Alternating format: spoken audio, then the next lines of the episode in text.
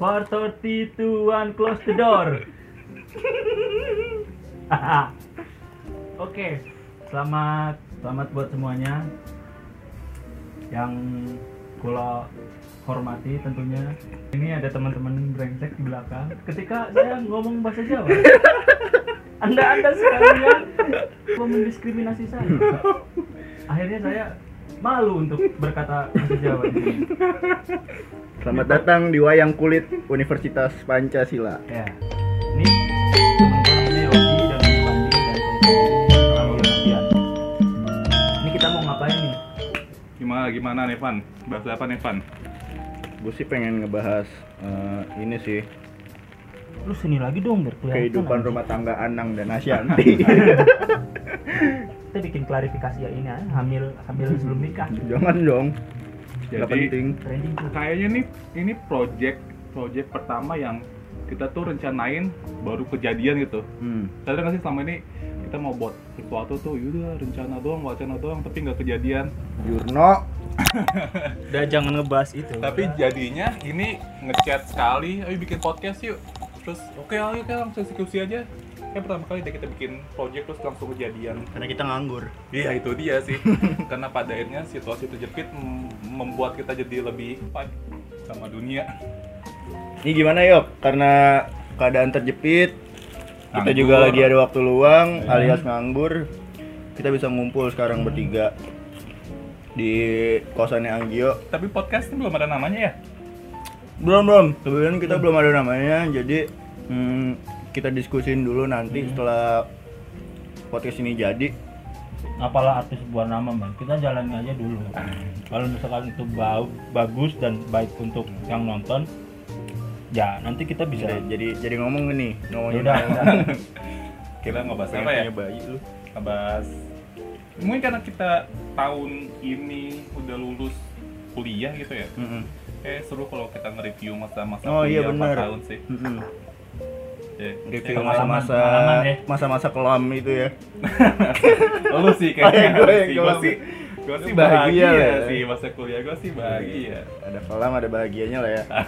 ya semua sesuatu pasti ada sisi positif sama negatifnya Ya, Gimana gimana? gimana nih mulai dari mana nih Kalau gue sih Lu mulai dulu, dari Pan. Yogi dulu kali ya. Anjing ngapa jadi dari gua? Karena tadi lu bilang, lo kan masa-masa kuliah lu bilang nggak ada yang nggak kelam nih. kan? Kenapa bisa nggak kelam? Mungkin- Sementara sementara orang-orang beranggapan kalau kuliah itu tidak mengasihkan, tidak menyenangkan. Kenapa lu bisa ngomong kalau kuliah lu nggak Ya. kelam gitu? Kenapa gua bisa bilang kuliah gua nggak kelam mengasihkan? Karena sedari awal itu pas gua baru gua kan kuliah telat ya. Gua harusnya lulus kan 10 tahun ya. anjing. Lama banget tuh. Ya, harusnya lu kuliah tahun berapa sih? kan gua harusnya kan kuliah tahun 2013 ya. Astagfirullah. Terus gua kerja, kerja dulu. Iya, Terus um, baru masuk tahun 2015 gitu. dua tahun gap. Iya, terus sebenarnya dari awal gue tuh pas masuk enggak sebenarnya sebelum gue masuk Pancasila masuk Vkom tuh pilihan gue tuh gue mau hubungan internasional itu hubungan iya. AI. Iya kayaknya. Eh enggak sih, enggak enggak, Enggak mesti mesti. negeri sih. Hmm. Cuman gue mau masuk HI sih. Hmm. Nah buat gue keren aja dulu. Gue nggak punya gue nggak punya alasan spesifik kenapa, cuman kayaknya keren aja gitu Ah, lo tau sih kayak kayak bocah SMA yang nggak tahu apa-apa cuman menurut dia oh ini keren nih kayaknya di jurusan nih oh ini kayaknya Namanya ini- ini keren. hal ini keren nih ya gue tuh kayak gitu gue pikir AI itu keren tapi kemudian ketika gue sadar kayaknya sekolah kuliah kampus swasta yang nggak ada yang jurusan HI yang keren banget maksudnya yang dalam standar Hmm. kualitasnya keren terus gue mengalihkan ke ilmu komunikasi gitu terus teman gue kan ada anak teknik Hmm. anak teknik di UP terus dia ngasih tahu ngasih lihat brosurnya itu terus pas gue lihat tuh Vkom Dia ngasih tahu browser dapat komisi nggak dari UP? nggak tahu kata dia gue nggak tahu tuh komisi komisi nah pas gue lihat Vkom tuh Ah. gue baca brosurnya udah ada tiga tiga peminatan kan ada kajian media strategi komunikasi sama jurnalistik Jurnalistik. media Hmm. dan dari situ gue udah gue udah nentuin pilihan gue bakal milih antara kajian media atau enggak strategi komunikasi Hmm. jadi sebelum gue daftar Vkom pun gue udah tahu nih gue mau masuk apa Oke, nih iya. Karena waktu itu gue mikir itu penting. karena waktu itu gue mikir gue nggak mungkin masuk jurnalistik multimedia gitu. Karena gue nggak suka sama hal-hal berkaitan dengan multimedia bikin video. Hmm. di kepala gue di kepala gue saat itu kayak gitu. Lu bakal bikin video lu bakal bikin apa lah gitu yang berkaitan sama fotografi videografi dan gue nggak suka gitu. Terus akhirnya gue mikir kajian media tuh bakal ada analisisnya bikin bikin bikin tulisan Mhm. kalau nggak salah di brosurnya. Nah gue pilihan pertama gue udah langsung jatuh cinta nih. Kayaknya nih gue banget nih mulai pas masuk kuliah terus ya udah semuanya semester 1 semester 2 lancar. Masuk semester 3 ya udah langsung orang-orang pada bingung nih gue milih mana nih ya? MJ MS SC M- atau SC gitu. Ya udah gue nggak ada pusing-pusing gue mikirnya langsung gue pilih nih gue masuk MS Kajian. ya karena kajian media. Nah dari awal gue udah mau masuk situ gitu. Dan ternyata memang pilihan yang sangat tepat sih. Karena menurut gue ketika gue kuliah MS kayak itu jurusan yang kayaknya nggak ada peminatan di Viko UP yang membebaskan pikiran lu selain di MS Hmm. kalau menurut gue ya karena gue bisa nulis apa aja dan enaknya ya di, di Hmm. kenapa gue bilang kuliah gue menyenangkan karena tugas-tugas di MS gue tuh biasanya tuh curhatan gue aja gitu Hmm. kayak gue rasa sama isu waktu itu gue semester 3 ngebahas soal undang-undang ITE terus semester 4 ngebahas soal apa sih perempuan dalam representasi di iklan. Banyak banget ya hal-hal yang sebenarnya tuh resah perasaan gue gue mau ngomongin apa gitu. Jadi enaknya curhatan Lo gua tuh- kuliah sekaligus iya curhat, curhat gitu. jadi curhat kita tuh bisa Mm. jadiin tulisan ditulisin terus Dinilai. dinilai lagi dapat nilai lagi nilainya A lagi Iya iya ah. gimana A. gimana nggak happy ya YA 378 pasal kriminal. IPK dia jadi jadi gue ngerasa ya karena mungkin dari awal gue udah mau ngapain ya udah mau milih udah jelas Jadi pilihannya senang apa ngejalaninnya. jadi seneng seneng aja sih jalaninnya walaupun nggak nggak ada teman ya waktu Mhm. itu maksudnya nggak ada teman rata-rata teman gue kan masuknya MJ atau SC gitu tapi ya gue senang aja gitu karena pilihan gue dari awal terus ternyata se- Sejalan. sejalan sama diri gue aja gitu jadi gue semuanya ya pasti ada ada ada struggle-nya juga cuman ya enak aja dijalanin karena memang kita bertanggung jawab sama pilihan kita sendiri sih itu sih kenapa Tapi kalau tadi lu bilang kalau MS membebaskan pikiran lo eh jadi, jadi salah satu jurusan yang paling membebaskan Hah? pikiran lo itu itu menurut gua kurang tepat sih ya karena MJ pun kita dibebaskan untuk berpikir. Coba bayangin ada mahasiswa bikin film berantem beranteman di studio alam TVRI sama di lapangan tenis. Tapi isinya rokok semua dan gue terlibat. Dan nggak disensor lagi. nggak disensor lagi. Menurut gue MJ lebih bebas bos. Petakannya lagi dosennya ini film macam apa ini film macam apa eh, terbaik itu pengalaman gue terbaik bikin film yang naskahnya apa eksekusinya apa Nah. itu pengalaman gue yang terbaik Tuh, jadi gitu buat- doang yuk mungkin awal penjelasan awal kayak gitu kali ya. Mm-mm. Hmm. Ya, Kalau lu lu, gimana? Yok? Kalau lu gimana ya? Pandi dulu dong kan urut nih apa sih tadi kita bahas apa sih. Pengalaman lu. udah pakai gini. Pengalaman dulu Pan apa kalau tadi kenapa milih nah, terserah lu mau cerita apa Hmm. Karena dari awal gue juga sukanya gambar-gambar yang yang berkaitan dengan visual. Yang awal gue pengen masuk di kafe tapi ternyata di kafe itu mahal. Seperti Iya mahal anjir. bukannya murah ya Murah, cuma mahal.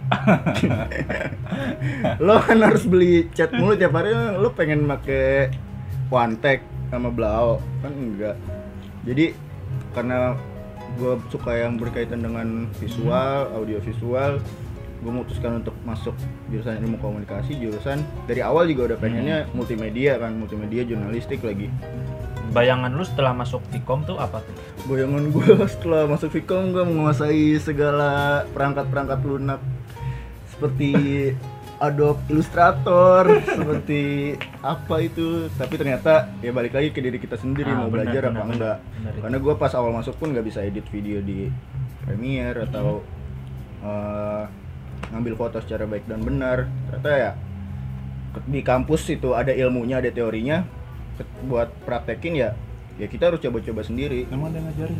nggak ada teori yang tadi gue bilang teori Tapi yang fotografi diajarin dong. Fotografi diajarin. jurnalistik Ah, itu mata iya. kuliahnya Bu Bu Bu Ririt, Ririt Bu Ririt. sama Mas Arif ya. Itu itu menurut gua mata kuliah yang yang seimbang banget praktik sama teorinya dan itu berguna banget sampai Ngena. sekarang. Makasih Mas Arif dan Bu Ririt. Tapi tadi katanya lu bilang kuliah itu ada apa? Masa kelam. Masa kelam ya itu. Eh, Nah dulu lu dulu Lu belum dulu. cerita. Masa kelamnya tuh Ntar Oh, dulu, ntar. ntar dulu Nanti lah. aja. Ini yang dulu. yang yang enak-enak kan dulu. kan dulu. kan muter lu dulu. Iya deh, iya. Ini maaf ya baru pertama kali bikin Iya. podcast nih. Amatir banget kayaknya nih saudara-saudara ya, biasalah. Udah nih. Mm. Kalau gua Oh ya sebelumnya nih di sini Yogi tuh jurusannya ilmu komunikasi mul apa? Kajian media. Kajian media dan gue sama Fandi tuh kebetulan sama di multimedia jurnalistik. Jadi belajarnya tuh ya multimedia. Kalau dia di bagian Kajian. Kajian. Wadaw. Sangat informatif sekali Anda. Jadi kita lebih ke perangkatnya, belajar perangkat Hmm, sama nah. Heeh. Dan di situ di multimedia jurnalistik itu eh, selama perkuliahan dari semester 1, semester 2, semester 3, semester 4, semester 5 itu yang paling yang paling big yang paling apa ya? sesuai dengan namanya itu di semester 5 sampai semester 7. Itu semester 1 sampai semester 4 itu menurut gua apa tuh? ya sama aja antara SC, Yes. MJ Hmm, dan iya. mata kuliah juga MS sama ya. itu sam- sama maksudnya sama yang dibedainnya tuh di semester 5 sedangkan pemilihan jurusan itu ada di semester 3 Tiga. harusnya tuh mulai di semester 3 itu ya di situ apa eh, pembedanya jadi lebih lebih belajarnya tuh lebih dapet banget itu sih yang yang menurut gua jadi bedanya Ya, kembali lagi di podcast akademik. Tapi ya, tadi kan kita ngebahas review dikit ya masuk Ikom, Ikom UP gitu. Terus kita udah lulus nih 4 tahun nih ya. Alhamdulillah. Normal, nggak nambah-nambah karena mahal kuliah di Ikom. enggak karena kasihan dosennya sama kita jadi nggak dilulusin ya Terus mahal, mahal. selain bakal dapat ijazah, lu kuliah dapat apa sih? Dapat apa ya? apa ya? Dapat Gila kita kuliah tuh 72 juta total loh. 72 4 juta. tahun loh. Kalau Bukannya dari bayar 56. kalau dari bayaran doang ya. Kalau hitung hitungan gue kayaknya sekitar segitu deh, 65 ke atas. Kayak orang tua kita nggak sadar ya ngeluarin uang segitu iya, ya. banyak banget Ini Lu- lu- bayar, bayar, lu- bayar. lu Padahal bisa mikir buat mereka buat haji ya. lulus terus pas ketika apa tuh toga lu eh apa sih Mm. ini lu Hah? apa sih ininya Toga, toga. enggak yang di pas wisuda apa Belir. Iya Anjir. topi, topi. Topi dah. Nggak pelir sih. anjir lu kasar banget ngomong lu ya kulir Iya kan ada talinya kan. iya buat iya, talinya digeser kan lu udah resmi tuh jadi sarjana seorang akademik Momen yang ya lu ngerasa lu dapat apa sih pas kuliah itu 4 tahun di Pikom Kalau gua sih ya, gua banyak sih yok, banyak Hmm. sumpah. Nah, Ini, ini nggak mesti nggak mesti secara akademis Iya, ya benar, pengalaman kah atau apa gue coba ngebayangin kalau gua nggak kuliah sama gua kuliah tuh Nah, beda banget. menarik, menarik. Hmm, Beda banget sumpah. Gue lihat gimana ya? eh, teman-teman gua sama sama eh, pengetahuan gua tuh nggak sombong ini ya. Gimana ya? Gue ngelihatnya tuh melek aja gitu sama Hmm. sama informasi-informasi atau isu-isu yang lagi yang hype hype di Indonesia terus viral. Gue gue tahu dan teman-teman gue juga apa ya lingkupnya tuh enak lah buat buat ngebahas itu kalau misalkan Jadi eh, teman-teman lo yang nggak di lingkup itu bego gitu ya maksud lo ya? bukan bahasannya tuh beda men Oh, bahasannya iya, iya, beda iya. kalau misalkan kita mau ngebahas itu jadi kayak ngerasa nggak Mm-mm. enak Mm-mm. gitu Nggak nyambung. nggak nyambung terus eh, yang apa dapat ilmu dari dari selama kuliah juga kayak gua gua lebih ngerti tentang fotografi Hmm. gua gua tahu bikin cara video yang bagus terus cara nulis berita itu itu semua yang dibelajarin di di ilmu komunikasi jurnalistik menurut gua berguna banget di apa setelah gua lulus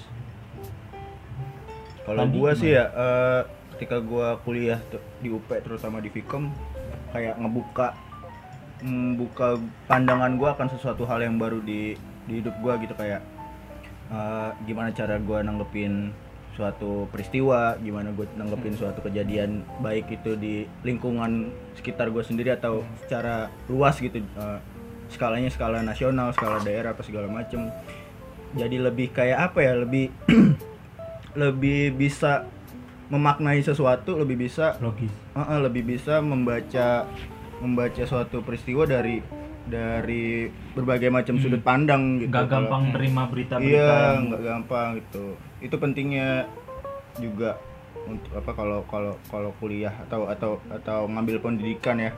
Terus sama yang tadi bener yang dibilang Gio, teori-teori yang diajarin sama dosennya juga eh, berguna banget. Sama yang gue inget tuh pertama kali kita pernah bikin vlog gitu ya. Iya, kuliah iya, vlog. iya, nah iya, itu iya. Itu yang ibaratnya gue orangnya paling nggak demen di depan kamera yang yang nggak bisa ngajak ngobrol orang asing di sekitar gue gitu kayak tukang apalah segala macam tiba-tiba gue dihadapkan dengan tugas yang semacam itu dan ya kalau lu nggak ngerjain lu nggak dapet nilai. Dari situ kita dari situ iya dari eh, situ kita ngurangin rasa rasa malu kita dan kita jadi kayak lebih percaya diri. Mm-mm, ningkatin percaya diri. Itu sih yang yang gue ngerasain tuh kayak kebuka kebuka cara memandang suatu hal Hmm. terus sama lebih bisa menempatkan diri aja sih. Nah. Itu sih yang gue yang gue dapat selama empat tahun. Kalau lu yuk gimana yuk apa ya? Em, dapat cinta.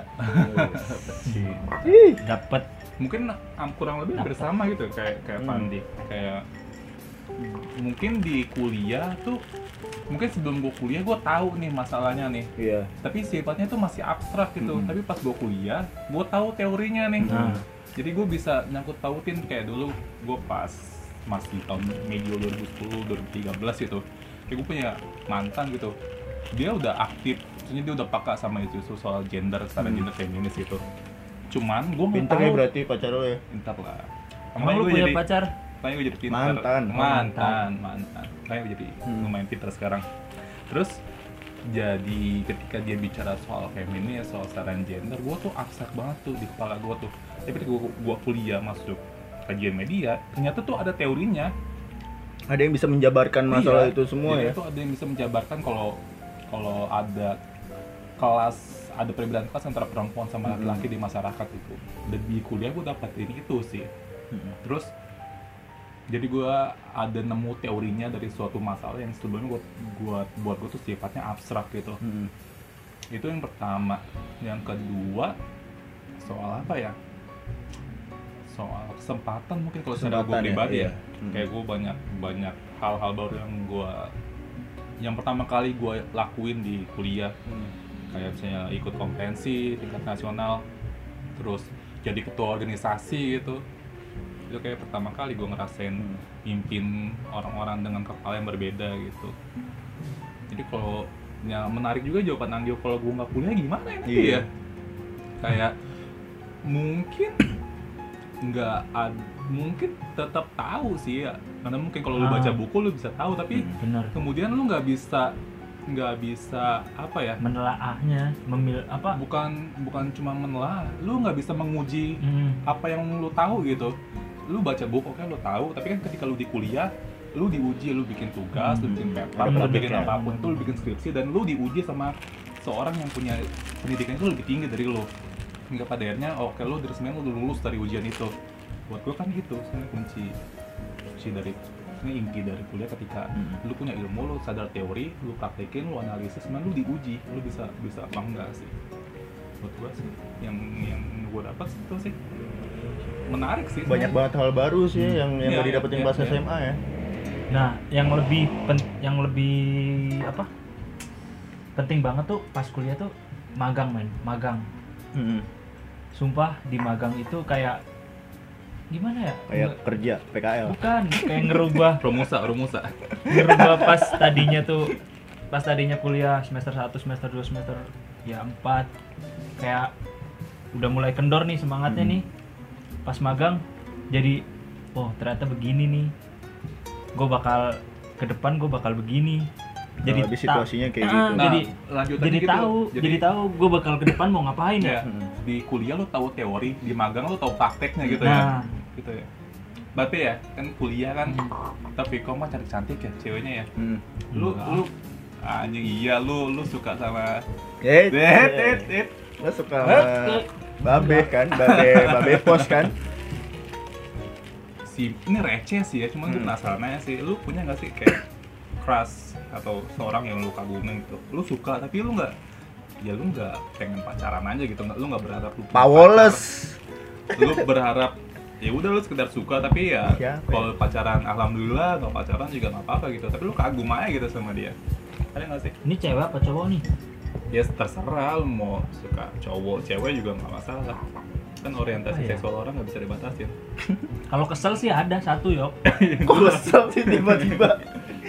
Kalau gua- gini kalau orang kesel sama orang tuh lebih lebih bisa diingat daripada Oh, orang suka oh, sama iya. orang. Ya kan gue nanya yang suka Terlalu Maksud banyak yang gue suka yok, jadi lupa. Satu aja yang spesial banget kayaknya nih Yang Lu dulu dah siapa dah? Yang kesel siapa? Gua. Kok lu gak pernah cerita?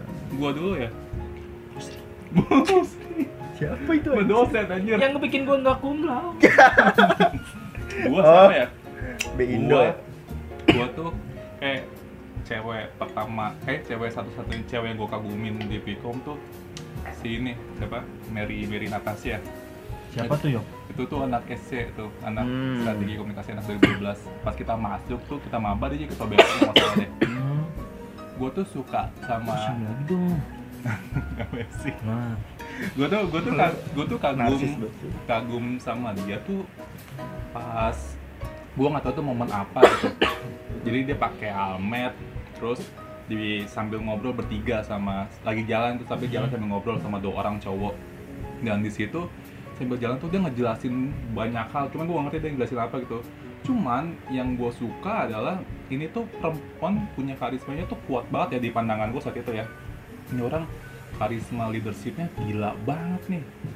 Dia ngomong terus dua orang cowok ini yang dengerin dia tuh bener-bener dengerin dan respect gitu ke dia. Dan buat gua anjing nih orang ini perempuan bener-bener kayaknya tuh idaman gue banget nih. Gue pengen punya cewek kayak gini nih. Terus semakin semakin suka semakin kagum sama Mary tuh pas gue ikut apa latihan keterampilan manajemen mahasiswa LKMM ya kalau nggak salah. Awal tahun 2016 eh, awal tahun 2016 dia jadi pembicara di sana terus gue ngeliatin dia presentasi hampir satu jam wah gila. Itu tuh kayak ngeliatin kayak si orang orang yang lu anggap tuh sulit buat lu jangkau terus lu Hmm. itu ada di depan mata lu itu satu jam lu buat nontonin aja anjing. Kapan lagi dapat kesempatan kapan lagi gitu? nih nggak sedekat ini sama orang yang lu kagumin mungkin itu sih selama gue kuliah kayak satu-satunya perempuan yang gue kagumin Dia mandiri gitu ya. Mary Iya, Natasha. Mary Natasha kalau Mary kalau kalau lihat saya yuk Kalau misalnya bilang kagum, gue beberapa kagum sama beberapa temen gue yang seangkatan juga sih gitu Hmm. kayak adalah beberapa di antara mereka yang misalnya kayak hmm, be- beberapa kan berarti banyak ya kayak yang misalnya lucutin lucutin ikut eh, organisasi tapi nilainya di nilai akademiknya masih bagus. Ada yang iya dah. Ada yang Ikut ada yang kerja ya ada yang kerja tapi tetap bisa dapat IPK atau eh, nilainya bagus. Terus ya itu sih banyak sih kalau kalau keras yang spesifik banget gua tiba-tiba anjir nih orang udah cantik pinter mandiri kayak Megawati lagi gitu. Nggak ada sih nggak ada sih kalau kalau gua sih. Entah nggak ada atau gua udah lupa tapi gua inget-inget dari tadi nggak ada. Tapi ada poin menarik deh yang lu Hmm. lu ngomongin kayak tadi lu ngomong ada mahasiswa yang yang punya kegiatan banyak di luar tapi Hmm. IP-nya tinggi gitu, Hmm. tetap akademisnya tetap tinggi gitu. Kadang gue mikir ya, gue tuh salut sama orang-orang kayak gitu. Misalnya kalau di di angkatan kita kayak kita atau kayak Agam gitu, Mm-mm. kan kita tahu mereka berdua kan Iya, iya. banyak banget Keren, kegiatannya ya di keren. luar ya ikut apa ikut itulah tapi akademiknya tuh tetap bagus banget gitu dan Hmm. konsisten dari awal sampai habis gitu nah kadang gue tuh mikir nah, orang-orang tuh ngelihat mereka tuh ngeliat mahasiswa yang kita anggap pinter tuh cuman ngeliat tuh oh iya mereka pinter mereka mereka bisa pinter dari lahir. Iya pinter dari lahir lah atau deket sama dosen lah atau apalah. Cuman kadang kita tuh nggak sadar kalau yang mereka tuh punya struggle yang sama kayak kita Iya. gitu.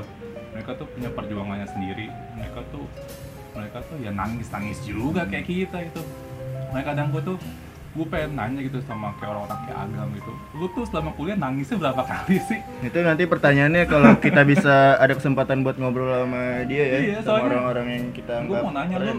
lu tuh nangis berapa kali sih sama kuliah terus lu lu bisa tetap fight Mm. dari struggle tuh gimana sih? Soalnya susah banget gitu lu punya banyak kegiatan tapi lu harus punya tanggung jawab di akademik gitu dan kalau ada orang bisa ngelakuin itu dan konsisten terus menerus kan buat lu gila banget kan sesuatu yang yang nggak semua orang bisa ngelakuin gitu Ini juga yuk. Siapa? Dia aktif di organisasi sebagai Tapi- ketua. Akademik- Akademiknya hancur. Eh tapi nggak hancur-hancur banget lah ya, masih masih standar lah. Cuma hancur. Cuma hancur. Enggak, enggak, enggak. tapi tapi lu punya punya pikiran yang gitu nggak kayak yang menurut yang kayak pandangan gua aja gitu kadang kita ngerasa ya orang tuh cuma ngeliat yang happy happynya aja gitu Benar, benar. Mm-mm. Itu sih. Ntar kita coba ngobrol-ngobrol ya sama yang ya coba bersangkutan. agam ya kalau denger ya agam ya Kita undang, kita Coba. kita kasih kesempatan buat ngasih motivasi ke mahasiswa-mahasiswa Ah. sekarang. anjing motivasi Ya, tapi itu keren sih bisa jadi bisa jadi Iya, iya, referensi. gua tuh gua tuh terakhir kali misalnya kalau kayak Hmm. tadi gua kan sebutin nama ya Tita sama Agam ya. Mungkin kalau Tita karena kita berteman baik sama Tita kan nggak semua orang juga punya hubungan yang kayak kita gitu. Kita bisa dekat sama orang-orang yang pintar Hmm. orang-orang yang punya prestasi gitu. Dan jadi kadang tuh jadi stereotip tersendiri gitu.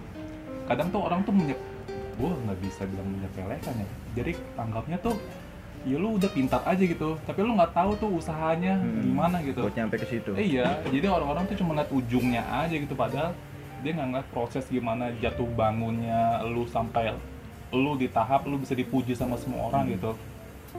Dan buat gue toxic juga sih. Lu kadang ngerasa nggak sih kayak lu mahasiswa pintar tapi tuh kayak kayak racun tersendiri buat lu gitu. Kayak Nggak tahu sih soalnya gue bukan mahasiswa pinter. Kan lo doang ya yang pinter ya sama teman-teman lo. Hmm, sama sama pintar di bagian tapi belakang enggak, gue gue sering ngobrol gitu. Iya iya iya. gue sering ngobrol terus kadang ada orang juga mikir gitu kadang racun juga anggapan Kayak gitu kayak tadi barusan kan kan lo doang yang pinter ya gitu kan. enggak enggak nyet iya gue maksud gue gitu kadang Hmm. stereotype stereotype mahasiswa yang di atas rata-rata tuh racun kalau kalau lu nggak tanggapin dengan baik nah ya pujian juga ya pujian racun juga. Kalau terlalu sering dipuji-puji. Dan ketika orang-orang nganggap lu cuman ngelihat di ujungnya tanpa lihat usaha lu juga buat apa ya? Itu bukan sesuatu yang menyenangkan sih. Karena orang-orang nggak nggak respect sama prosesnya pada akhirnya. Ngeliat ujungnya doang. Menyebalkan sih. Cuman Tapi dilihat kan nggak semua orang bisa punya kesempatan untuk melihat prosesnya dia untuk sampai Iya. ke situ. iya sih makanya gue bilang ya agam nih gam ya atau Tita nih coba datang ke podcast kita ya di episode berikutnya supaya. Kalau podcastnya juga masih jalan ya. Kalau bubar ya sorry Jalan. aja kita nggak bisa. Karena kita sibuk, men. Kita Paling- pengangguran yang sibuk. Ya. lu punya struggle tersendiri nggak sih pas kuliah ya pasti ada ya semua orang ya tapi struggle yang paling besar yang lu hadapi ketika kuliah itu apa Kalau gue jarak. Jarak oh, rumah lu kan? rumah lu Tangerang ya? Tangerang ke Depok, bayangkan. Lebak Bulus Tangerang Bekasi, Bekasi. Paling deket gua. Kalau gue jujur jarak sih yang yang menjadi Hmm. struggle utama. Karena sempat kepikiran juga di semester semester awal gue untuk untuk angkat kaki dari kampus tercinta itu ya, saking eh, saking jauhnya ya saking eh, lo tau sendiri lah kereta pagi kayak gimana. Ya, ya, ya. tiap hari kan gue bolak balik naik kereta tuh. Gue belum belum punya sim dan lain-lain untuk naik motor. Jadi ya sempet sempet kepikiran sih. Dan sampai dan alhamdulillahnya bisa bisa terus terusan konsisten 4 tahun nggak ibaratnya tepat waktu lah nggak nggak jadi penghalang buat buat males-malesan berangkat. Ya walaupun telat-telat mulu ya tapi nggak jadi nggak jadi nggak jadi masalah utama buat nggak lulus gitu atau segala Di jarak macam. tempuh yang bikin lo jarak tempuh sih. Yang memakan energi makan waktu tuh di jarak tempuh. Teman-teman gue udah mandi nih. Pulang-pulang udah mandi udah udah story story makan udah mandi apa segala macem. Gue masih di tanah abang sama abang-abang sama ngobrol masih di duri teman-teman gue udah mau tidur gue masih baru sampai kalideres gitu jadi itu sih struggle gue sih di situ sih terutama lokasi sih lokasi dan jarak. Kalau lu yuk bahasa ya Enggak.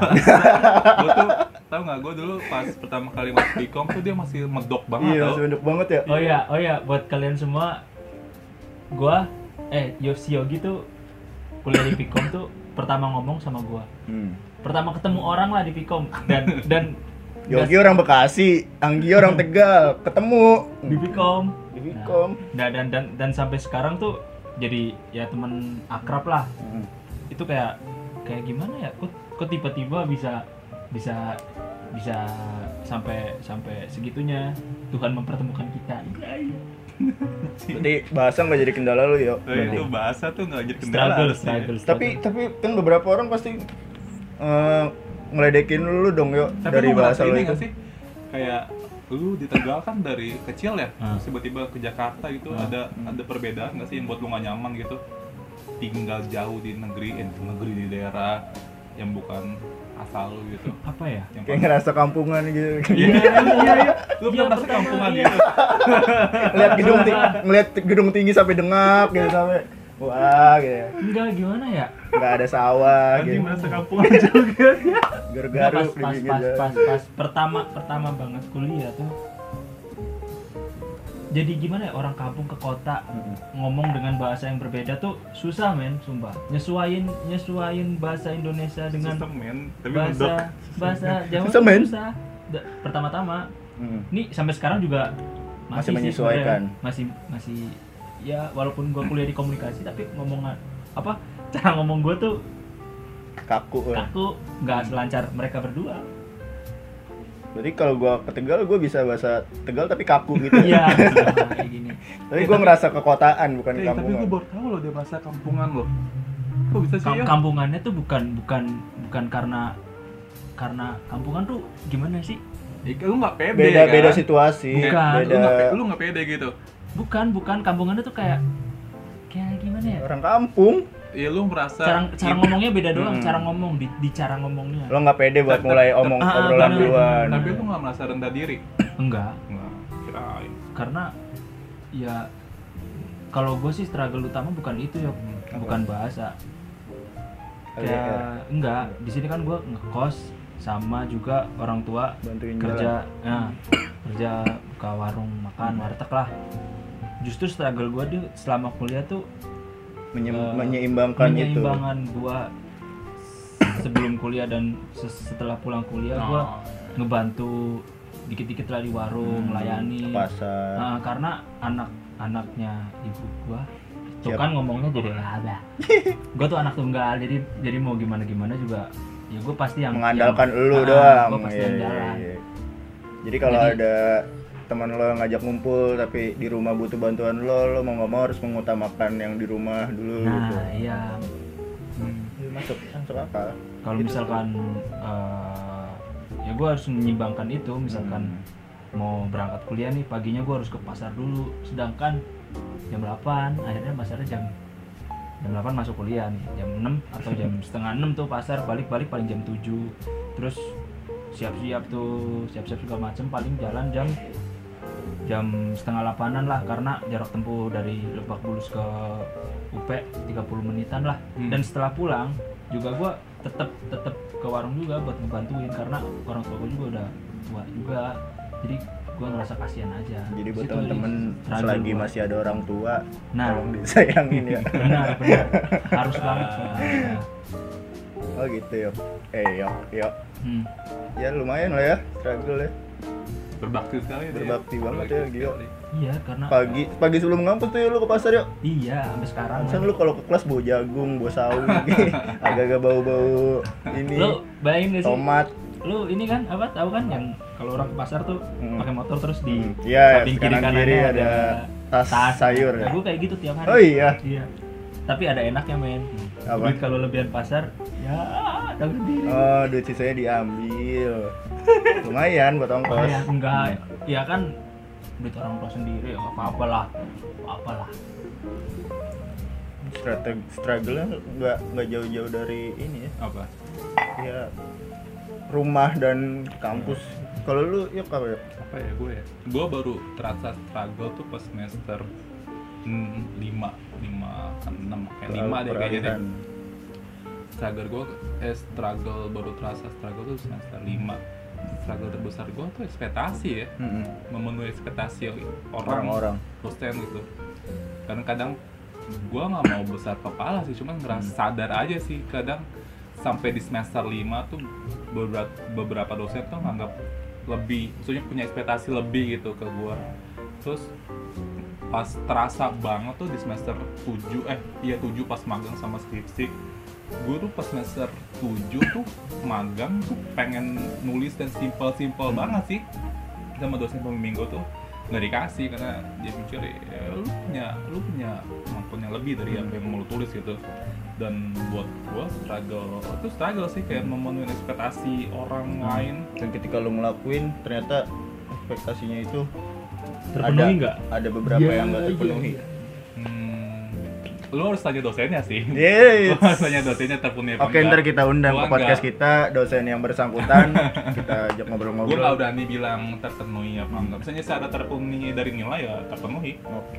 kan nilainya A skripsi magang lo Iya. iya iya gue juga A yang B dia dong cuman Eh, gitu. gua, ah, Cuman magang poin gua nggak poin poin gue itu memenuhi ekspektasi orang tuh capek Hmm, capek. capek. iya benar benar dianggap lebih Ah. sama orang Iya, benar. kadang iya emang gitu ya kadang kadang gua kadang ngerasa tuh sebenarnya pujian yang dikasih ke orang tuh kita tuh gua kita tuh nggak layak dapet gitu Ah, juga iya, sih benar. kadang kita mikir gitu ya terus ketika orang lain mikir ah lu kan gini gini lu kan gini gini anjir gua harus ekspektasi dia nih kalau gua salah kalau gua gagal yang malunya tuh berkali-kali lipat Mm-mm. karena gua tuh mengecewakan gua diri gua sendiri kecewain dosen kecewain orang lain gitu dan itu struggle menurut gue mau ekspektasi orang karena capek aja gitu Iya, yang paling aneh tuh juga pernah tuh gua ada salah satu matkul ini nggak tahu ya sederhananya dia nganggap kalau orang yang berkacamata itu pintar. masa sih ada gitu pan iya masih ada. Terus kayak nih coba yang pakai kacamata gitu. Beberapa di situ jadi kayak ditanya nih yang pakai kacamata biasanya pintar-pintar nih. Dan untungnya bisa jawab sih. Untungnya saat itu ya nggak tahu kalau dia pertanyaannya lebih susah mungkin eh, bakal beda ceritanya gitu. Jadi kayak ekspektasi itu memang kadang mematikan Iya, memang. mematikan juga sih. Jadi nggak kalau ada orang udah naruh ekspektasi tinggi ke lu ya, lu nggak bisa semerta-merta mikirin diri lo sendiri doang. iya, iya, iya. karena ketika ya itu ketika orang udah punya ekspektasi kita tuh ada beban tersendiri sih Mm-mm. jadi ya itu sih struggle gue selama masa kuliah sih Dia nggak pintar ya. yang padahal nggak nggak juga ya dianggap pintar Dia nggak pintar, Betul. bisa bermasyarakat, nggak nggak juga nggak punya dampak di masyarakat pandai bergaul. nggak tidak pandai bergaul itulah struggle Pokoknya ekspektasi kalau kita bisa mengelolanya dengan baik, ya hasilnya juga bisa baik ya ya. gitulah tapi ya ini ngomong-ngomong ngomong struggle gitu di di di masa kuliah gitu. Lu punya nggak sih turning point yang pada akhirnya oke gue punya masalah nih gue punya perjuangan eh gue punya beban tapi lu ada di momen sadar ya gue harus tuntasin ini nih mau nggak mau nih gue mau kuliah sampai selesai 4 tahun nggak mau nambah. Itu lu janji sama diri lu tuh ada turning point gak sih? Kalau ada di di semester berapa gitu punya kalau masih inget gitu lu semester berapa ya kalau gue di semester 5 pas magang. Ah pas magang. Jadi Magang kayak semester lima ya? ah, memang kan semester Iya, lima. Semester enam. enam. Oh iya, oh iya 6 Lu magang di mana? semester Pertamina. magang di kipas. Iya jadi dari dari magang itu kayak ngebangkitin semangat Mm-mm. semangat kita lagi loh Kalau kita Oh. masih bego ternyata. Ya. benar ya sebagian itu. Terus benar-benar turning pointnya itu yang gua harus gua harus sadar berangkat dari struggle itu sih. Ya itu yang gue memutuskan untuk lanjut kuliah di UP yang tadi karena karena alasan jarak. Itu sih paling kalau lu ya udah tadi turning atau belum? point? Turning point belum? ya. turning point. Um, magang dan itu sih. mungkin mungkin turning point gue tuh di semester 5 kayaknya ya. Turning pointnya tuh dalam artian gue tuh mikir semester 5 tuh umur gue tuh waktu itu udah dua Oh, iya. dua masalah dua tahun. Terus gue mikir anjing gue kalau kuliah masih kalau gue kuliah mau main-main gue mau lulus kapan nih anjir? Gue lulus nggak bisa kerja ketuaan kan? Hmm. kayaknya faktor usia yang menyadarkan gue oke gue mau makin serius nih makin serius kuliah. Terus juga di semester 5 ada berapa poin-poin penting kehidupan gue yang gue putusin di situ Hmm. salah satu contohnya tuh yang juga bakal berpengaruh ke Iya. kuliah gue tuh soal isu kesetaraan gender yang pada akhirnya gue tuh Hmm, mulai iya. mulai peka mulai benar konsisten bakal angkat itu sampai gue lulus kuliah tuh di situ Lo, ta- lo, lo tahu kapasitas pembahasan lo di mana gitu. bukan cuma sekedar tahu bakal gue jadi impian tapi memperjuangkan juga.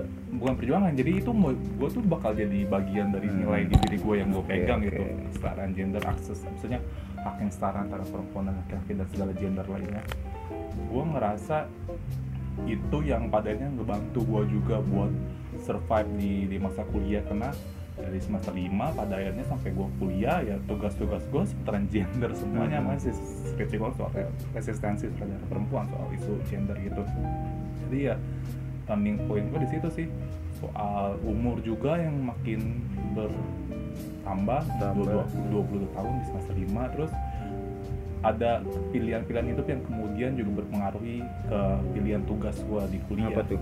Ya itu tadi soal gender itu gue Oke. sadar gue mendukung saran gender terus gue mau Sekalian aplikasikan di penelitian gue akhirnya konsisten aja itu sampai lulus ngebahas itu terus yang yang ngebantu gue yang jadi turning point gue buat buat buat akhirnya Kenapa survive lu?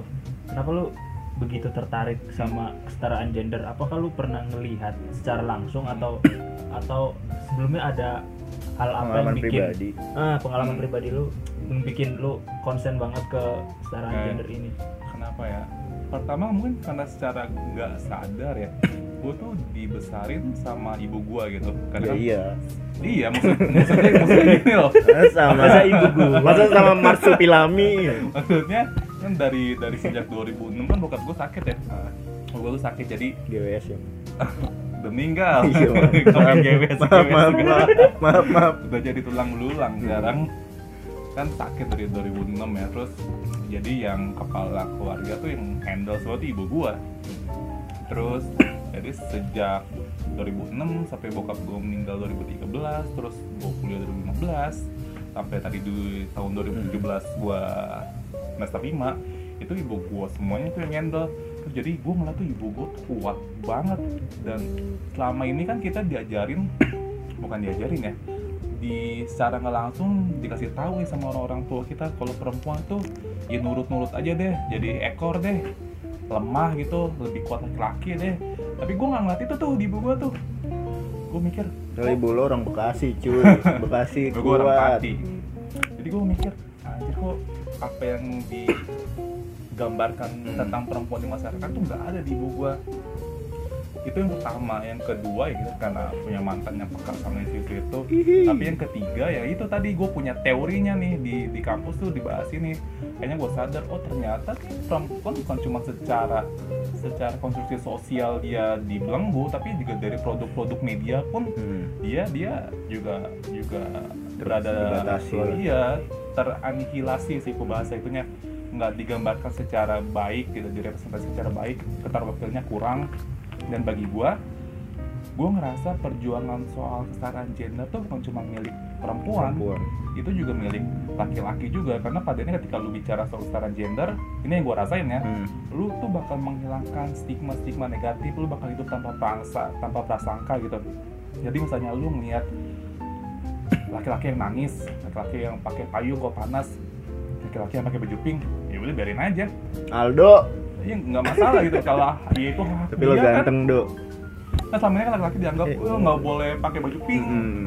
nggak boleh Boleh nangis. pakai lip balm. nggak boleh pakai apalah itu yang mengasosiasikan ke perempuan. Tapi ketika gua iya ketika gua, gua baca gua gua konsisten di isu gender ya itu stigma stigma itu tuh hilang dengan sendirinya. Gua lebih terbuka dengan hal-hal yang enggak enggak enggak apa ya tidak apa sih bahasanya itu tidak tidak sesuai bukan tidak sesuai sih. Nggak seperti yang diajarkan di konstruksi sosial kita di orang-orang dulu kita. jadi membebaskan prasangka sih itu pentingnya gue bicara kesetaraan gender. Terus lulus kita nih ya. Mm-mm. lulus wisuda walaupun gue ikut wisuda ya. Wisuda pasti pada upload di medsos ya. Iya. lu ngupload nggak sih? Enggak deh pas pas lu lulus deh lu sidang kan ngupload lu atau enggak gue kerucutin ya lu orang yang aktif buat nge-share hidup lu di medsos gak sih Kalau secara pribadi ya, gua eh, dalam satu tahun terakhir atau dua tahun terakhir gua memposisikan diri gua di medsos tuh ya sebagai medsos tempat nyampah gua, hmm. tempat Apa pun medsosnya. untuk apa pun medsosnya, entah Twitter, entah Twitter dan IG sih. Ya. Kayak IG gue sering Facebook, banget Facebook. shit posting. Ah, Facebook isinya Jokowi Prabowo semua anjir. Facebook nge-share ayat Quran Ayat Quran. nah, Facebook jual beli jual beli jual beli iya kayak menurut gua ya sosmed gua untuk untuk bersenang-senang aja untuk nggak bukan berarti buat publikasiin semua kegiatan yang gua punya sih tapi ada beberapa momen yang memang kayak kemarin wisuda ya, ya, ya. Eh, gua gua lebih seringnya kemarin upload wisuda tuh lebih ke reposting foto ucapan ya Oh, Nah, makasih buat teman-teman yang udah ngucapin, udah doain, semoga doanya berbalik ke kalian, sukses terus, amin.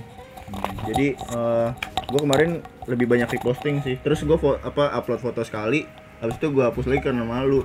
Gue gue orangnya gitu, jadi kayak kayaknya emang bukan tempatnya gue untuk nunjukin kehidupan gue deh di sosmed gitu. Heeh, makanya makanya di IG gue lebih banyak foto-foto foto-foto gua demo apa foto-foto gua uh, street fotografi gitu segala macem jadi emang tempatnya apa aja sih gitu.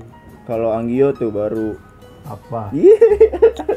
tapi misal nih Ah, ah, ah. misal ada anggapan ya ketika kan itu momen kayak kita kerucutin deh ke momen wisuda momen lulus lulusan itu kan teman-teman kita bakal ngepost eh ngetag kita nih. Hmm. terus lu orang yang orang yang ini gak sih? Orang yang bakal nge-repost gak sih? Kalau- mm. postingan mereka gitu. Terus lu ngucapin apa gitu lu balas. Atau lu orang yang ya gue DM aja balas dan masih lewat DM tapi nggak nggak di repost gitu. Oke itu menarik yok menarik sekali yok ya lu deh lu Lu berarti deh, lu yuk. deh kalau menarik Oke. deh Nah, sekarang kan gua nggak tahu kenapa ya banyak di antara kita tuh kalau misalkan tiga. Di antara semuanya Oh, oke. yang pengguna medsos itu sekarang tuh kayak eh, ini gue nganggap sendiri atau emang kayak gitu ya. Kayak ya gue gua misalkan kita sudah terus ada yang ngucapin nih selamat ya selamat ya selamat ya begitu Eh, dan eh, orang harus harus eh, iniin balik apa? Repost itu repost reposting balik di game mereka. Terus gua harus harus repost juga dan upload di story story story lo Instagram gua. Itu apakah sekarang sekarang harus begitu atau emang emang emang trennya begitu atau itu kenapa bisa bisa bisa sampai begitu? Dan gue tipe orang yang nggak nggak terlalu suka tentang repost. reposting hal begitu. Soalnya gue juga menggunakan media sosial juga memilih-milih ya untuk merepost. Hmm. bukan semua ada ini langsung gue repost repost repost repost di story gue enggak. Cukup menurut gue ya cukup yang ngucapin selamat ke gue oke terima kasih. Tapi gue orangnya nggak bisa nggak bisa untuk reposting di Instagram gue mengapa? Karena ya buat apa? Bagaimana? Apakah? Buat apa gitu? Buat apa pengakuan Yeah. di media sosial? Kan yang ngerasain ngerasain sendiri kan di kehidupan nyata. Jadi menurut jadi gua langsung langsung langsung bilang bilang terima kasih itu di menurut gua bilang terima kasih di DM. balasan di balasan DM itu udah cukup. Ya ya. Udah cukup gitu. Nggak nggak perlu kita nge-repost mereka. Hmm. tapi tapi eh, gue ngerak gue di apa ya ada yang ngomong ke gue gitu. Siapa siapa siapa siapa ada ngomong apa? ada. Ah, ada. Terus kok lu nggak repost sih? Padahal Nah. kan banyak yang ngucapin lu. Gua gua heran Hah, sejak kapan ya harus harus nge-repost Nah, gitu Ya, ya. kapan itu Harus. jadi hadis ya? Sejak kapan itu menjadi kewajiban Sebuah kita kewajiban untuk umat Islam repost. itu, Itu- itu, itu- jadi tren nggak sih nah itu sekarang itu sih? itu yang juga pertanyaan gue yang menarik ya karena ada sekarang tuh kayak ada suatu hukum yang tidak tertulis gitu kalau Hmm. orang ngepost nge-tag lu ya lu harus nge-repost gitu Heeh.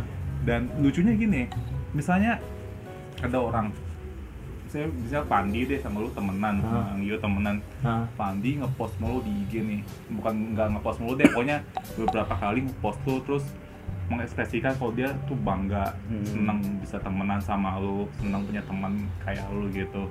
Terus tapi si lu yo lu tuh nggak nge-repost.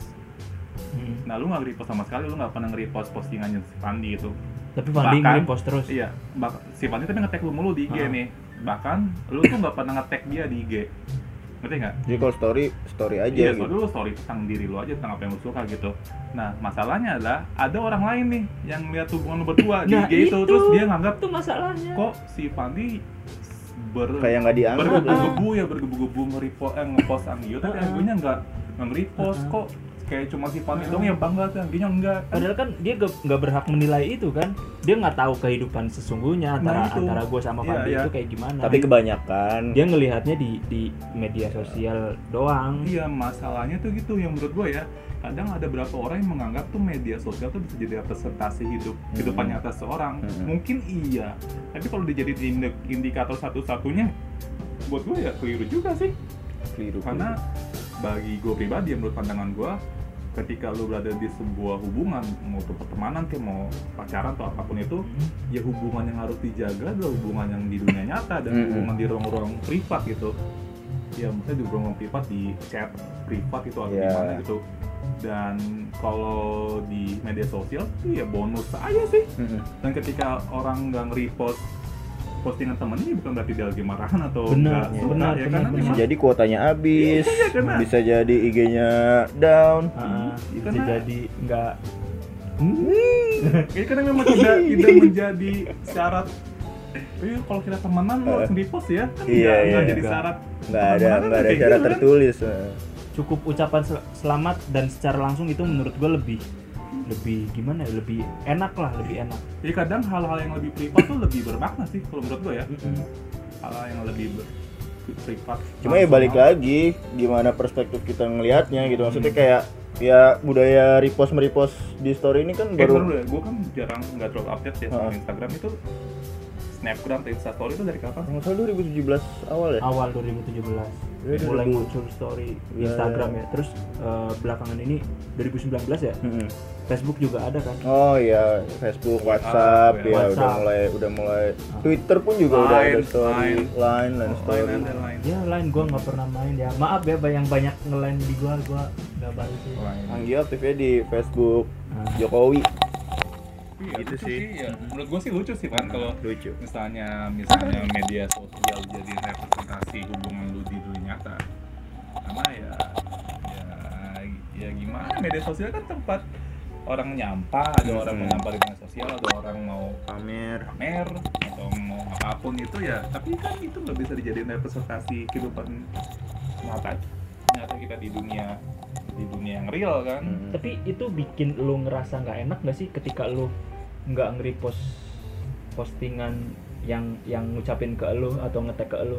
Kalau gua pribadi sih tergantung mood sama situasi gua pada saat itu ya. Iya, serius kayak ada misalnya yang bikin story kalau lagi main gitu Hmm, misalnya dan ngetek gua ya kalau gua lagi nggak mau ngepost story yang nggak bakal gua repost gitu. Tapi kalau misalnya kayak yang tadi gua bilang di awal tergantung situasi dan kondisi juga. Kayak kemarin wisuda gua merepost itu ya sebagai bentuk terima kasih gua dan sebagai bentuk Hah. ucapan sekalian aja di Ah. di balasan story itu jadi gua nggak bikin story eh dua kali lagi tapi ya ya itu yang gue bilang tadi ada perasaan nggak enak kalau misalnya iya men sedikit sedikit perasaan nggak enak tuh pasti ada, ada, ada, ada. kayak kan Ada. pasti lu ketika lu ketika lu ngepost sesuatu tentang orang gitu Hmm. tentang yang kayak tadi lu bilang pasti kan lu adalah sedikit harapan di lubuk Hmm. hati lu paling dalam kalau eh, posan lo ini bakal diapresiasi entah dalam bentuk likes, entah dalam bentuk komen, subscribe,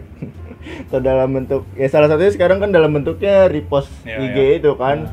Ya pasti eh, beberapa di antara kita kebanyakan berharap berharap seperti itu gitu. Bakal di repost balik, entah nanti bakal ketika di repost sama si orang itu eh, bisa dilihat Instagram Instagramnya jadi jadi sarana promosi juga bisa jadi gitu. tapi gue lebih suka ini sih kan apa gue kan banyak tuh yang ngucapin ngucapin Mm-mm. ngucapin gue balas balas balas balas gue bikin gue bikin story juga tapi Mm-mm. enggak Sekaligus. satu persatu nah iya sekaligus gue tagin semuanya karena ya itu tadi ada perasaan sedikit nggak enak alhasil gue melakukan itu Hmm.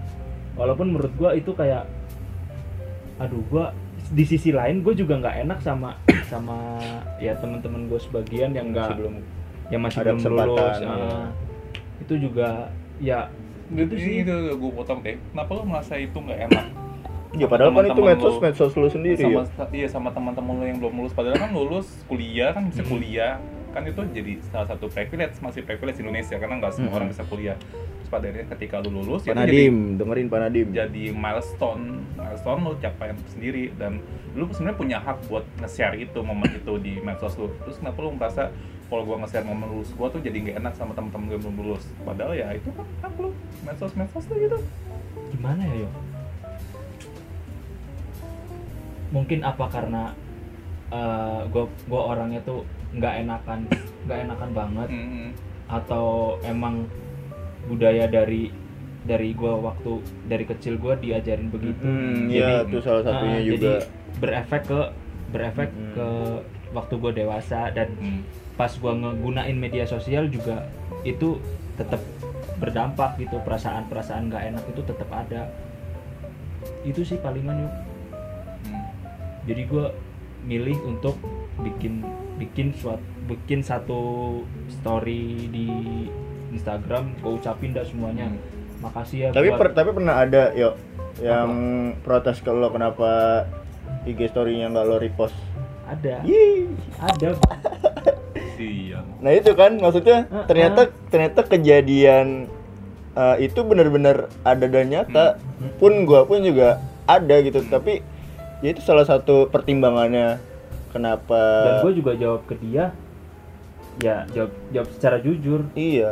gue gua gue orangnya nggak suka nggak suka me- apa ya aktif aktif nge-repost di Instagram terus aktif ngupload itu gue nggak suka. Itu menurut gue mengupload di media sosial gue ya khususnya Instagram itu momen-momen yang ya menurut gue unik lucu Hmm, dan hmm. dan nggak bakal terulang lagi baru gue upload kalau misalkan repost repost kan itu lulus kan iya. one Mau lo bakal lifetime lo. ini lagi. iya itu itu ya gimana ya itu ya balik lagi tadi ya lo orangnya Uh-uh. males nyampah Hmm, juga males di nyampah Hmm. Hmm. mending mending sekali sekali upload langsung dah gue ucapin semuanya terima kasih ya buat semuanya gue tagin nama namanya tuh tapi itu gue yang masih penasaran itu loh yang orang marah kalau nggak di repost ya itu emang gua- ada yo ya itu tadi kan Ya, cerita kan itu yang masih gue bingung gitu loh. Apakah sekarang standar Pertemanan. sebuah hubungan gitu ya? Dari medsos itu dari sebuah repost IG gitu. Iya kalau lu nggak nge-repost gue berarti lu nggak ngehargain gue deh. Hmm. gue males ya temenan sama lu. Repost atau bikin story bareng gitu ya. iya kan. Anjir gue gue tuh kuliah 4 tahun tuh jarang ngeri nggak pernah nge-repost orang tuh. Orang-orang tuh merasa nggak dihargain gitu Ah. sama gue kayak kayak aneh sih menurut gue Dia karena gua dianggapnya ansos ya. Ah, ah. sombong sih Sombong. padahal kita bukan itu sebenarnya Ah, lu Emang- pembena- emang- pembenaran lu yuk. enggak emang nggak nggak nggak pengen aja sama males buat banyak banyakin Mungkin kita harus tanya kali ya sama orang yang bersangkutan yang bersangkutan. siapa yo siapa ya tanya Nggak maksudnya yang yang mengang, yang apa ya? Yang yang hampir setiap momennya upload Hmm. atau repost di story itu itu dia bentuk bentuk sebagai penghargaan atas pertemanannya Bisa atau jadi. atau ya sebagai bentuk ek- eksistensi di ruang publik aja atau Gua gimana? sih sebenarnya jujur ya, gua tuh nggak punya masalah sama postingan orang, Ah, Hmm, orang. betul orang mau, betul Orang mau Ah. posting apa pun itu ya hak dia lah. mereka karena kan media Iya, sosial juga media sosial mereka. mereka ya mereka Iya kita kan di masa mereka. sekarang kita kita punya hak penuh buat buat bikin konten apa pun yang kita suka gitu. bener Orang mau nge- nge-repost, Ah, ah. Nge-post sampai titik-titik kayak Aukarin tuh gue mah bodo amat lah, Ah. nggak peduli gue. Tapi yang gue yang jadi concern gue tuh itu ketika lu nggak nge-repost orang-orang tuh nganggap lu tuh beda gitu Hmm. orang-orang jadi nggak suka sama orang-orang tuh nganggap lu besok ah, besoknya lu- nggak bakal di iya besok-besok nggak gue tag lagi deh Hmm. iya kan aneh kan jadi sekarang tuh kayak tadi gue bilang sekarang pertemanannya tuh dinilai tuh dari postingan di media Temanan sosial. sebatas Insta Story. iya padahal ada hal yang lebih esensial dari itu kan sebenarnya yang tadi gue bilang ya pertemanan kan yang harus dijaga tuh yang hubungan hubungan di dunia nyata hubungan di ruang privat. Kadang gue mikir ya gue ini pikiran jahat gue aja sih. Gue mikir gini emang tuh orang-orang yang suka nge-repost beneran ada ketika lu di di kala lu Nah. susah? nah itu. Gue mikir kayak gitu ya kadang gue mikir jahat gitu aja. Itu orang-orang yang itu juga yang bikin gua yang lu Selamat datang di podcast nyinyir. yang bikin gua nggak suka yang juga suka itu.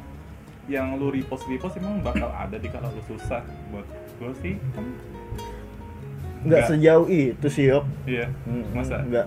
Maksudnya ya sebagai ya bentuk bentuk apresiasi aja, bentuk penghargaan dan bentuk ucapan Iya, terima ada- kasih. Nggak nggak nggak ada rasa nggak enak dua sisi pan antara Iya sih. antara yang yang yang mau di repost sama yang kita kita liatin Bikin. ke orang-orang maksudnya penonton kita yang lihat melihat repostan kita sama yang sama yang menuntut kita untuk merepost. Iya. tapi buat gue ya itu perasaan gua- perasaan perasaan gak enak perasaan itu gak enak bercampur juga rancu loh. Rancu. Gua ketika lu lu di tag terus lu lu balas lah DM bilang iya makasih ya udah di tag ya. Atau iya basa basi bilang makasih lah lu ngebahas lu ngerespon lewat DM iya itu. Harusnya kan udah selesai. Iya udah selesai. Nyampe situ. I- Iya maksud kalau gue pribadi gue gak punya perasaan gak enak kalau gue nggak nge-repost gitu. Karena gue udah ngerespon lewat DM IG udah bilang terima kasih. Ngucapin selamat. iya kayak gitu nah yang jadi pertanyaannya kan lu lu merasa gak enak gitu itu yang masih gue gue malah mau merepost itu gue nggak enak sama yang ngelihat story gue oh, Oke. ya, ya, ya. perasaan nggak enak itu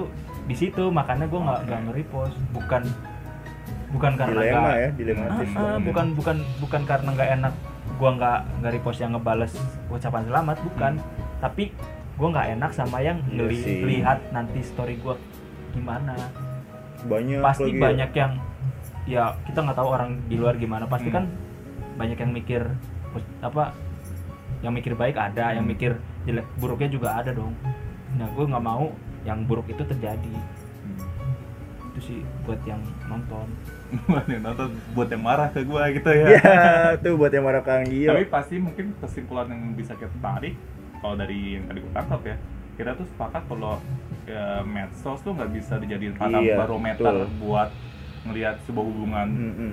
dua orang atau se- sebuah hubungan di dunia nyata gitu ya Mm-mm. Tapi nggak tahu lagi ya kalau misalnya kita ada di satu bentuk kelompok pertemanan, ada satu atau dua orang yang nganggap story itu suatu hal yang penting ketika ngumpul, nggak ada yang tahu. kalau story sih gue masih budaya repost sih Budaya repost, iya. kalau story mah ya hak hak dia tapi kalau repost Mm-mm.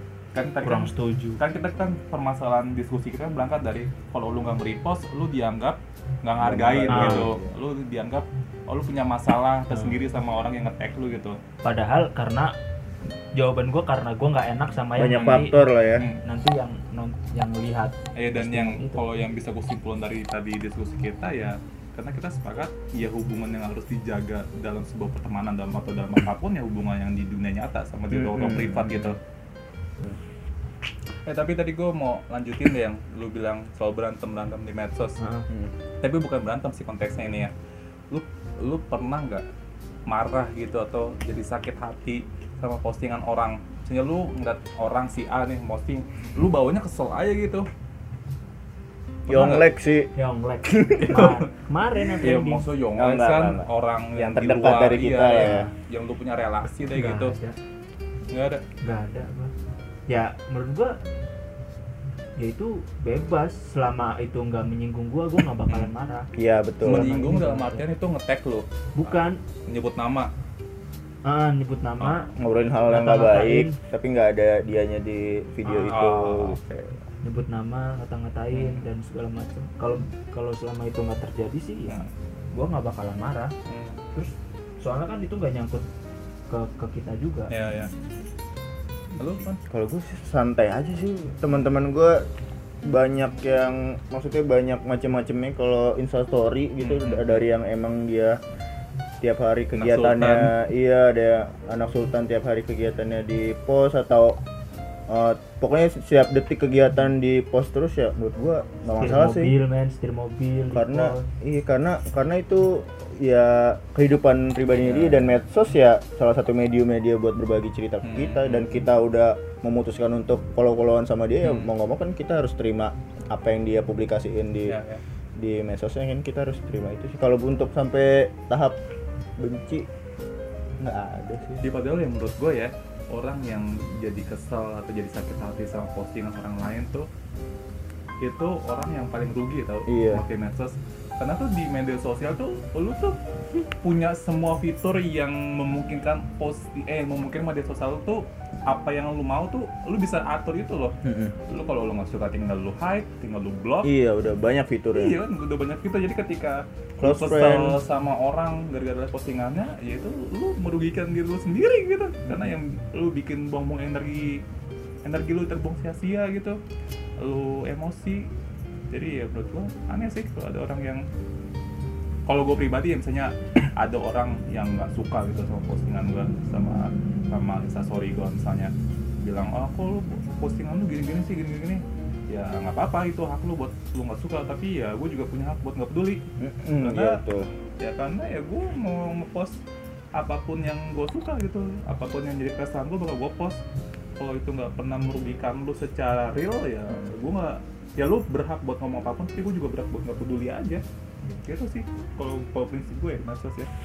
Dengan medsos tuh simple sebenarnya ya karena ya yang dibuat banyak drama ya kita kita juga sih respon kita. Iya. kalau lu mau punya drama ya bakal drama yang banyak yang datang kalau kalau lu mau nyantai ya sebenarnya bisa aja lu bikin hal medsos jadi nyantai ngeliat postingan orang nyantai nggak suka tinggal blok nggak suka tinggal hide nggak suka tinggal unfollow. Ini kan simple simple aja semuanya.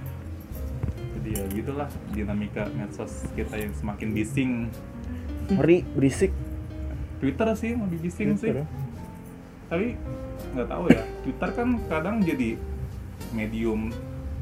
Mencari video. Iya iya iya. Lu kayaknya ya. Iya. kadang gue juga sih kadang ada aja postingan bokep padahal gue nggak follow tuh. Nggak muncul aja algoritmanya kadang bikin bingung Twitter. Tapi kalau ngomongin Twitter gitu tadi kita nggak bahas IG mulu ya. Mm-mm. misalnya ngomong Twitter kan sekarang Twitter kan emang diciptain buat kita mengungkapkan pendapat ya isi Iya. kepala kita kan kalau IG kan foto dan segala macam gitu video video gitu nah lu mikir nih nih ini rada agak sedikit sedikit serius sih ngomong Hmm. politik ya nggak apa-apa kali ya ya nggak apa-apa kan oke kita punya presiden baru Pak Jokowi periode kedua Pak Presiden baru lama gitu terus yang kita nggak sangka-sangka Pak Prabowo nih orang yang jadi 10 tahun terakhir nih jadi musuhnya nih di dua pemilu terakhir jadi musuhnya terus maju kepilih jadi menteri pertahanan posisinya penting banget gitu. Terus kalau kita lihat media juga sekarang medianya juga kita tuh nggak bisa bedain ini media benar-benar berpihak. Ngomong wakilin suara rakyat atau sebenarnya ini wakil penguasa nggak sih? Atau bahasa kerennya tuh sekarang tuh oligarki gitu. Oligarki. Terus lu ngerasa uh, di sebuah demokrasi yang dikuasai sama oligarki lu butuh publik yang berisik nggak sih? Atau kita tuh sebenarnya harus gimana sih? Dan konteksnya tuh kalau lu mau berisik lu bakal berani nggak sih berisik itu di media sosial lu di Twitter? Maksudnya lu mau lu berani nggak sih buat nunjukin nunjukin posisi lu terhadap pilihan politik lu buat terhadap misalnya ada konteks politik apa lu nggak suka lu bakal up- update itu di Twitter lu gitu lu lu orang gitu gak? kalau Twitter gua kurang aktif yuk Nah, tapi misalnya nih misalnya di momen tertentu lu bakal ah gua udah gerah gua bakal ngomong deh buat speak up di Twitter gue buat terhadap kondisi ini. mungkin media kita berbeda ya apa Hmm. maksudnya media sosial kita kita uh, lebih nyamannya beda Hmm. kalau gue lebih nyaman ke WA sama Facebook dan Instagram Hmm. Karena Twitter Media, gue kan bukan bukan media sosial. oh gitu ya dah Media messenger. ya media messenger karena di Twitter ya nggak ada yang baca nggak ada yang Hmm. ini kalau di pengikut gua ya Iya, iya. karena nggak pernah update juga jadi nggak males juga twitteran Hmm. nggak mal- males untuk me- mengetweet ya tapi buat ngeliatin tweet-tweetan orang terus yang yang lagi trending-trending itu gue sering Hmm. tapi untuk mengetweet gue males kalau misalkan apa tadi menyuarakan Dia resah. berisik berisik di Ah. media sosial ya paling lewat story sih gua apa tulis caption yang bikin keresahan gua Joko lagi kesel sama Jokowi, Wah. kesel banget bukan bukan Jokowi doang semuanya ya.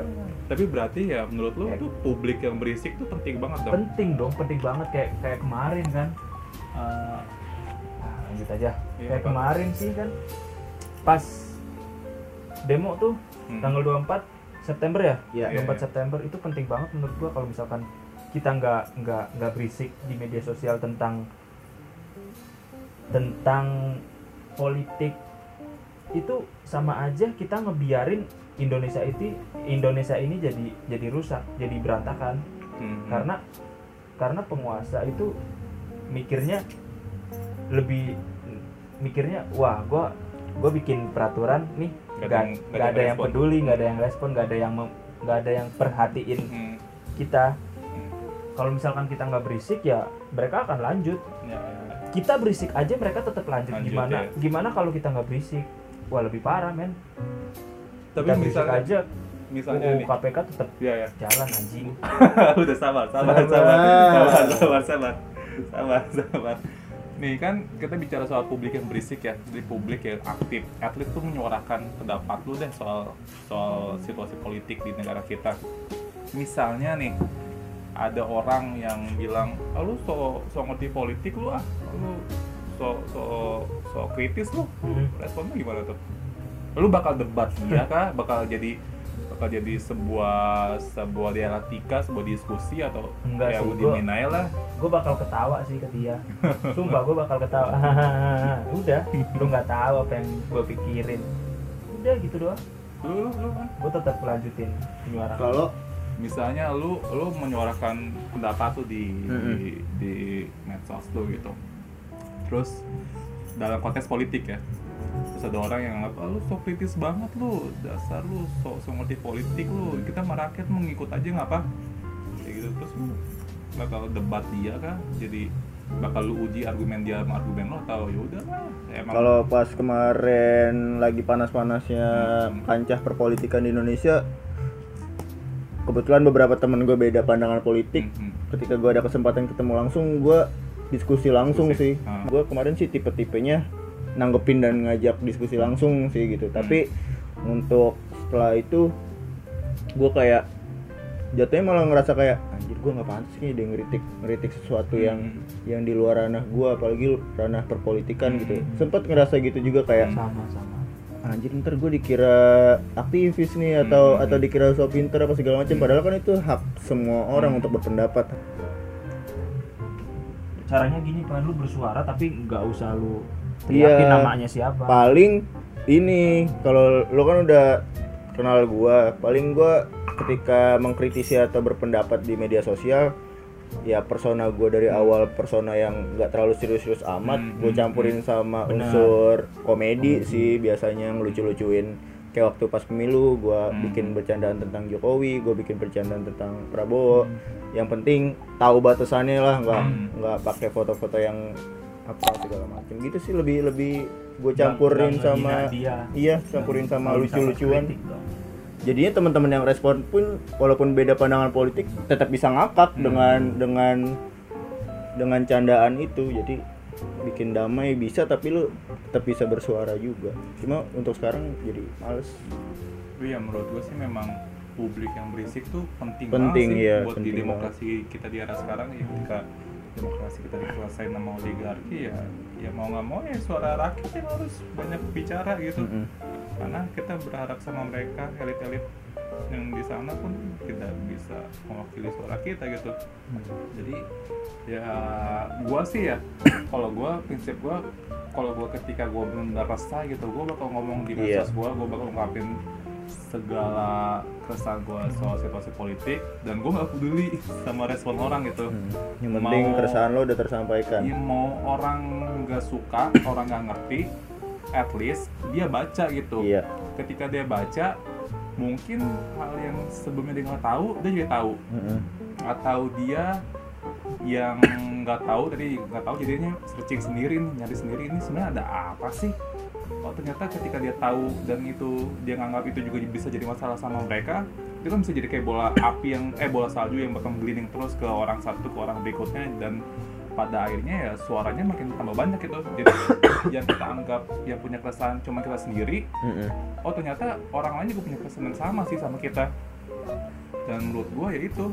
Dan semua itu tuh bisa bisa dimulai dengan publik yang berisik. Iya jadi ya buat gua ya di lima tahun dari sekarang sih ya sudah sepantasnya kita terus berisik sih Mm-mm. di medsos sih jadi ngomong apa aja kayak lu nggak perlu ngomong hal-hal yang kritis ya lu analisis segala macam nggak perlu lah lu ngomong cuman wah gila nih pemerintah ngeluarin undang-undang ini nih terus lu kasih aja jabarin pasti kan ketika lu ngomong ini kan lu tahu kan pasal-pasalnya apa aja sih yang mengancam kehidupan kita Yang penting tahu. yang penting lu tahu Apa yang lu konteksnya suarakan. itu ketika lu ngomong gitu terus orang lain ngelihat wah beneran nih nih ada ada peraturan yang aneh nih. Kan orang-orang jadi tahu. Bisa baca bisa cari? Iya bisa cari sendiri. Terus akhirnya dia juga punya keresahan yang sama buat ngepost itu di medsosnya.